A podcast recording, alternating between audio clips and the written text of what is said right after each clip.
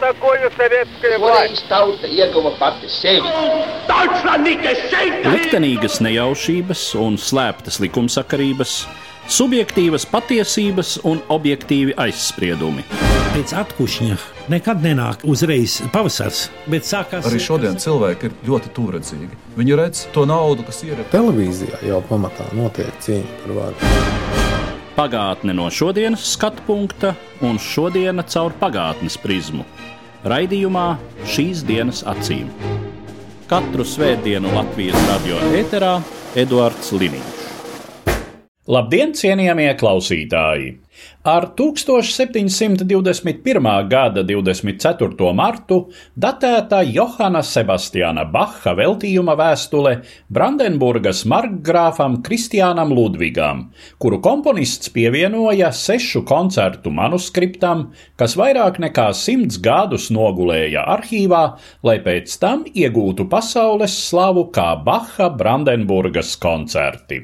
Par to, kas šī mūzika, kuras tapšanas laiku no mums šķir trīs gadsimti, ir savam laikam un mūsdienām, mana saruna ar diriģentu Latvijas Mūzikas akadēmijas senās mūzikas katedras vadītāju Māri Kupču. Ja mēs runājam par baroku periodu, kā tādu kopēju lielu laika rāmi, kas ir apmēram no 1600. gada tad neapšaubām baroks pret to iepriekšējo renesansu ir, ir iezīmīgs ar to, ka ir gan jaunu žanru attīstība, un tur parādās opera, gan atteikšanās no vokālās polifonijas, nu, gan drīz pavisam. Bet domāju, ka vissvarīgākā tā starpība ir tā sarkanā līnija, retorikas lietojums.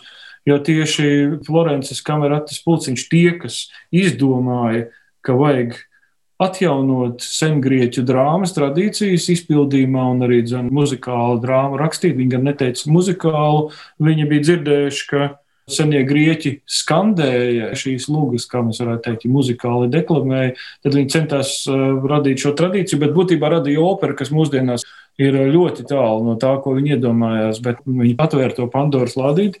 Un lielā mērā tieši šī tiešās runas, komunikācijas, tiešas ar sentimentiem, kā viņi saka, vai ar sajūtām, ko retorika sniedz. Tas ir arī baroks. Lielā mērā šī retorikas ietekme vēl ir arī agrīnā klasicismā, līdz pat Franču revolūcijai, kad lēnām sākās izmaiņas izglītības sistēmā, kas ir stingrā, klasiskā, tur ir retorika viens no priekšmetiem, un tad pazūd, un tad sākās runāšana vienā valodā ar klausītāju, lēnām pārvēršas savādākā formā un izzūd. Un tas vidus, kur mēs esam, ja mēs esam 1720. gados, tas ir kā reizes tas, kad ir nostabilizējušās šīs iepriekšējās eksperimentu tradīcijas 17. gadsimta un sākās jau ļoti konkrētu stilu mērķēta virzība. Tajā brīdī ir izveidojušies divi lieli stili franču un itāļu stils, kas ir savā starpā pilnīgi nesadarīgi. Tas ir tas brīdis, kad cilvēki ir pievienojušies vai vienam vai otram, atkarībā no kultūras ietekmes tieši tā areāla, kur viņi dzīvo. Un tad pēc tam lēnām sākās šo stilu tāda miksēšana, kas, pateicoties kuparēnam, ar tieši šajā laikā veidojās. Un tieši Baks un šī paudze, arī Hendels un Telemans, viņi ir viena no tiem, kas jauk to stilu ievieš gan Vācijā, gan arī visur citur, un tādā pakāpeniski jaucot savā starpā to, kas agrāk bija ļoti tīrs un ekskluzīvi smalks. Jūs jau iezīmējāt to žanrisko rāmi šim laikam, un uh, garīgā mūzika droši vien joprojām ir zināmā pārsvarā pār visu pārējo, un tas ir arī tas, kas ir sociāli joprojām visplašāk pieejams. Tātad uh, vienkāršais cilvēks sastopas ar mūziku pirmām kārtām joprojām baznīcā, liturģiskās ceremonijas laikā. Bet, protams, arī opera ir pametusi jau augstmaņu pilis, un eh, arī jau pastāv kā plašai publikai baudāms žanrs, bet kā ir ar instrumentālo mūziku, par kuru mēs šodien primāri runājam? Opera ļoti agri, 17. gadsimta 30. gadu beigās, ja nemaldos, Venecija atklāja pirmo publisko operu teātri, un būtībā opera kļuva par biznesu. Vērās vaļā to teātri bez savu galu, jo tas bija patiešām peļņu nesošs un interesants bizness. Un jāsaka, ka tā operas ietekme uz baznīcas muziku ir liela, tāpēc, ka vienkārši to operu teātru rodas aizvien vairāk, un šis stils ļoti ietekmē. Nevēl arī 18. gadsimta pirmajā pusē rodās tās pirmās žēlabas par to, ka tīrais baznīcas stils ir ietekmējies. Bet neapšaubām baznīcas muzikai ir liela loma visu dzīvē, jo parasti privāti ļauži arī zem opera teātros vienkārši netika iekšā. Bet to nevar teikt par tādiem mantīgākiem buržuā pilsētniekiem un namniekiem. Bet simfoniskā muzika no komercijas pagaidām ir tālu. Tā simfoniskās muzikas komercializēšanās sāksies 18. gadsimta otrā pusē. Līdz ar pirmiem koncertiem. Tas vairāk asociēsies mums ar zināmiem faktiem, kā Haidna Londonas simfonijas un arī zem, visādi abonementi koncerti, ko rīko Mocards, arī Slovenija Salomona koncerti vēlāk Londonā vai Baha Abel koncerti Londonā arī zem, tur angļu komercijas ziņā ir visai Eiropai stipri priekšā. Bet šajā brīdī, kur tādi orķestri kā tādi eksistē tikai galmos, tā, tā ir galma tāda izklaides lieta, varam vilkt paralēlus ar apmēram šajā pašā laikā notiekušo kurzemi. Ketlera laiku, protams, ir vēlāk 18. gadsimta, kad Bīrons ir kad tiek izrakstīts speciāli kāds kapelmeistars, piemēram, Ketlers izrakstīja Johanu Fischeru no Parīzes, tātad, kas bija Lulijas skolnieks, lai viņš atbrauc un māca šīs dejas spēlēt un arī organizēt muzikas dzīvi. Bet orķestri ir visam nelieli, lielākoties, un viņiem arī nav jāspēlē lielās zālēs. Parasti līdz 20 cilvēkiem tas ir ļoti daudz. Ir pat arī daudz mazāka sastāvā bet tas ļauj ļoti labi funkcionēt, un diezgan daudz muzikas radās. Bet tā ir muzika, kas domāta izmeklētām ausīm, faktiski konkrētām ausīm, un uh, tas neapšaubām nekādā gadījumā neskar vienkāršos iedzīvotājus, jeb Dievs pasarg zemniekus. Domājot par Baha Brandenburgas koncertiem, ko mēs zinām par to, kam tie ir paredzēti un kā Baks bija iecerējis šo savu skaņdarbu tālāko likteni. Lielākoties Baks vienmēr šādus veltījumus skaņdarbus rakstīja, pareizāk sakot, sakopoja kādos krājumos vai tādā ciklā, kas būtībā nav domāts kā cikls, un prezentēja saviem iespējami nākošajiem darba devējiem. Jo viņam piemīt tāds raksturs, ka viņš visur kaut kā sagāja ragos ar darba devējiem. Gan Vaimārā, gan Ketenē. Un tāpēc tiek speciāli nosūtīts piedāvājums skaistā veidā, kā veltījums, kas varētu būt, ja jūs mani pieņemtu darbā. Tas netiek, protams, teikt skaidrā tekstā. Veltījums ir ļoti labi noformēts, ka jūs kādreiz man teicāt labus vārdus par manu muziku, un tad es atļaujos jums nosūtīt savus darbus. Tas tiešām ir tiesa, cik es zinu, Kristiāns Ludvigs, Brandenburgas margrāvs, bija ticies ar viņu. Tajā laikā Bāks ir kapelmeistars Keitenē. Acīm redzot, arī lielākā daļa no darbiem ir sarakstīta Ketenē, varbūt arī kaut kas no Vaimāras. Bet liekas, ka tieši Ketenes galvenā kapelas sastāvs liecina par to, ka šie koncerti varētu būt galvenokārt tapuši Ketenē. Un viņš vienkārši apkopo un nodod Margrāfam šo veltījumu. Cik man zināms, šie skaņdarbi nav atskaņoti tajā laikā. Un, diemžēl arī, zem, jāsaka, ir galīgā aizmirstībā līdz viņus izrok 1840. gadu beigās, liekas, nu tad, kad jau sākās jau šis Baha kulta aizsākums, tad viņi tiek atrasti un izdoti. Iespējams jau, ka tās ir tās pašas paralēlas, kas ar Siminoru Mesu, kad uh, viņš, būdams vēlākos gados Leipzigā, velta lielu, lielu mesu, būdams jau karaliskais goda komponists un mēģina tikt Dresdenē kas ir neapšaubām labāks postenis un atļaut viņam arī ar operām nodarboties, kas viņam ir bijis sapnis, kā mēs varam noprast. Tad arī tur šis darbs netiek atskaņots, un tas ir kaut kā likumsakarīgi. Par spīti tam, ka eksistē ļoti liels Baha kults jau kopš Mendelsona laikiem, un tagad tas ir jau tiešām reliģiskā nozīmē un grūti strīdēties ar daudziem brīžiem to argumentu. Tā jūsmība ir liela, bet izpratne mazāka. Un ir grūti iestāstīt to, ka Baks savas dzīves laikā nebija atzīts kā komponists.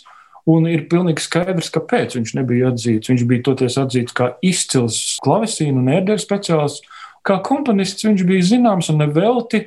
Leipzigas rādes protokolā ir ierakstīts, ka tā kā tie pirmie divi labie nevarēja ierasties, mēs ņemsim to, kas ir, tātad to Bahu. Un uh, tas tiek vienmēr pasniegts kā aktie Leipzigas rāds, neizglītotie cilvēki, bet viņš tiešām neatbilda tā laika baroka komponēšanas un vispār arī muzicēšanas pilnīgiem standartiem un ideāliem, tīpaši ideāliem. Tā skaitā arī par retorikas lietojumu un šo mūziku, kas ir vērsta uz sarunu. Viņš vairāk aizrāvās ar šo arhitektonisko vai arī zem matemātisko. Un arī no retorikas viedokļa viņš tika ļoti daudz kritizēts no laika biedriem. Un kas ir likumsakarīgi, jo viņa izglītība bija daudz vājāka nekā citiem viņa kolēģiem. Liksim, salīdzinot viņa izglītību ar Hendelu vai Telemanu, kuri bija devušies uz universitātēm, Baks ir tikai kādā labā skolā, liekas, divus gadus mācījies, nu, kas varētu būt gimnāzijas līmenis, mūsu domu skolas līmenis, bet kā virtuos viņš ir viens no pirmajiem, kas ir visur atzīts. Un tāpēc arī, acīm redzot, par viņu tā interese ir minimāla kā pa komponistu, diemžēl kaut gan mums liekas no mūsu viedokļa, ka viņš ir radījis kaut ko izcilu. Bet varbūt mēs vienkārši nesaprotam, un mēs slavējam to tieši, ko mēs nesaprotam. Un tā kā šis jautājums ir ļoti diskutabls, negribās man iedziļināties, lai nesauktu Baha praviešu dusmas, bet uh, laikmeta kontekstā neapšaubām viņš ir mazliet nost. Un ļoti kritizēts par šo matemātikas aizraušanos, arī par retorikas formulu lietošanu atsevišķi no emocionālās izteiksmes veida, kad vispirms ir izteiksme un komunikācija, un pēc tam formulas. Viņš vairāk ir kritizēts par to, ka viņš lieto mehāniski.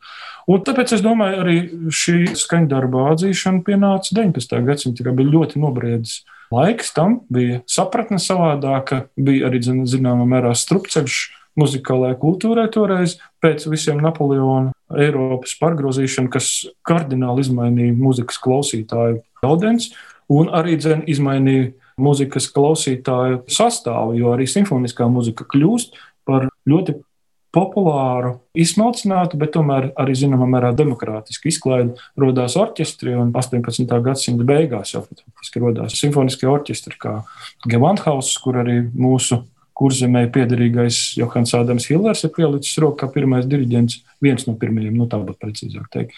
Tā kā lūk, šajā brīdī viss ir eh, nobriedis, lai Brandenburgas koncerti tiktu publicēti, un kopš tā laika viņi ļoti zināmi. Un pat mūsdienās daudz saka, ka tas ir labākais baroka darbs un ievērojamākais, bet no baroka viedokļa skatoties, neviens to laik tā nebūtu teicis. Tāpēc arī tāda disonance.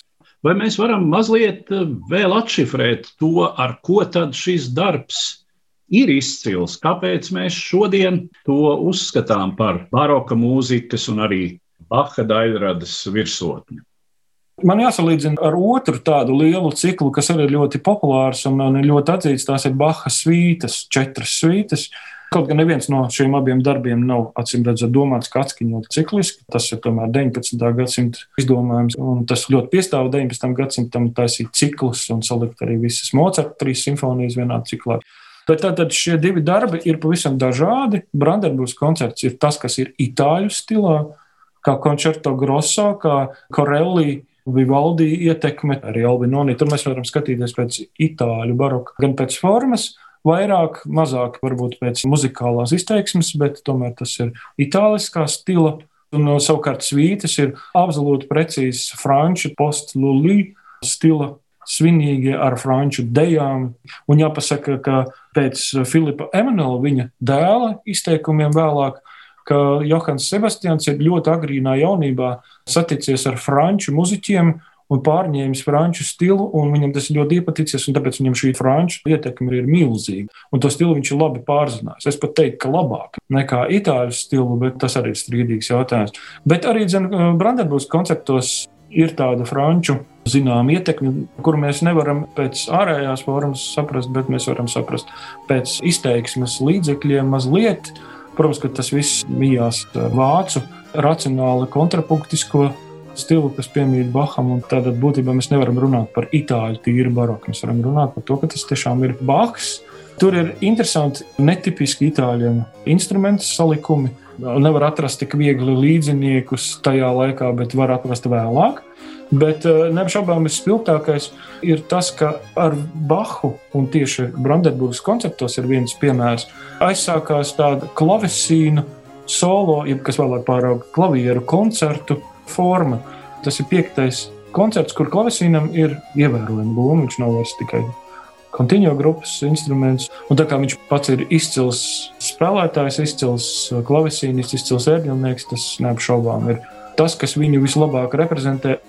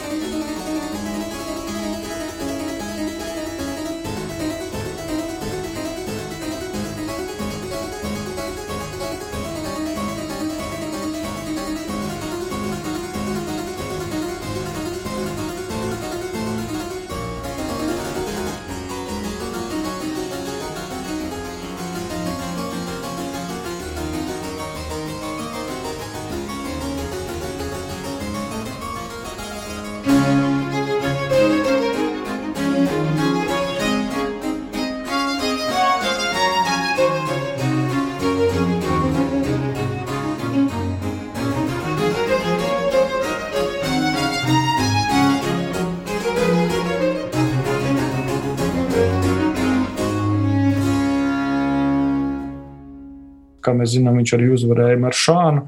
Ir tā leģenda, ka viņš sacentās ar Maršānu, kurš bija izcils tā laika muzeķis, viņš ir pat nobijies no Baha un aizbēdzis. Ir pilnīgi skaidrs, kāpēc viņš to izdarīja. Tāpēc, ka Bahs agri aizrāvās ar temperācijām un spēlēja tādās skaņkārtās, kā modulēja, kur vispār franči, kas bija daudz konservatīvāki, vienkārši vēl to nemācēja. Viņi nevar iedomāties, kad spēlētu, teiksim, fādēs mažorā kaut ko, jo tajā brīdī, ja mēs lietotu to 17. gadsimta temperāciju, tur skanētu ļoti greizes nodas, bet Baks skaņoja klausīņu jau savādāk, ļoti moderni. Un viņam tas izdevās. Arī šie koncerti, kas, zināmā mērā, ir tādās labās tonalitātēs, rāda uz tādām zināmām disonantām saskaņām tajā laikā, kas ir jaunas, un kas varbūt arī ir iemesls, kāpēc kādam tas varētu nepatikt. Līdzīgi kā Mocarta disonantie kvarteti, kas ir savam laikam priekšā. Bet tā neapšaubām, katrs koncerts ir individuāls. Sastais koncerts, kurā vispār nav violas, kurā ir tikai viola, un tur ir gambas īpatsvars, kas arī dzen, ir kāds reverants šajā franciskajā virzienā, jo viola de gamba ir ļoti izcili pazīstama Francijā. Tas ir augstmaņu instruments. Pēc tam daudz augstmaņu paši spēlē gambas, un mēs varam pieņemt, ka tas varētu būt arī veltījums pašam Margrāfam, jo it kā Kristians Ludvigs esot bijis samērā labi izglītots kā gambists. Ir daži neatbildēti jautājumi, par kuriem gadsimtiem strīdās, piemēram, kādas flautas ir jālieto blokflautas. 4. solmažora koncertā ir samērā grūta trompetes partija arī dzem kas liecina par to, ka viņam uh, ir bijis labs trompetists. Un tur ir vēl arī neatbildēti jautājumi par to, kāda ir kopējā viņa kamertoņa sistēma. Jo Baks bija tas, kas patiešām piekopa to, ka viņam vienā skaņdarbā varēja būt līdz pat trījiem kamertoņiem lāp. Katrā ziņā tā ir ļoti komplicēta sistēma, bet līdz ar to mēs, kas spēlējam senos instrumentus un kopijas, esam ļoti privileģētā situācijā mums ir iespēja atklāt visādus viņa īpašus paņēmienus, kurus vienkārši mēs esam nepamanījuši līdz šim, un izrādās, ka viņš ir bijis ārkārtīgi neizturīgs šajā ziņā. Kā salikt instrumenti kopā vienu un citu, un citā skaņojumā, jau tātad bez sava gala. Tas visu smulsina, un tāpēc arī šī muzika nenoies no koncertu skatuvēm vēl ilgi, jo katram tur ir ko teikt.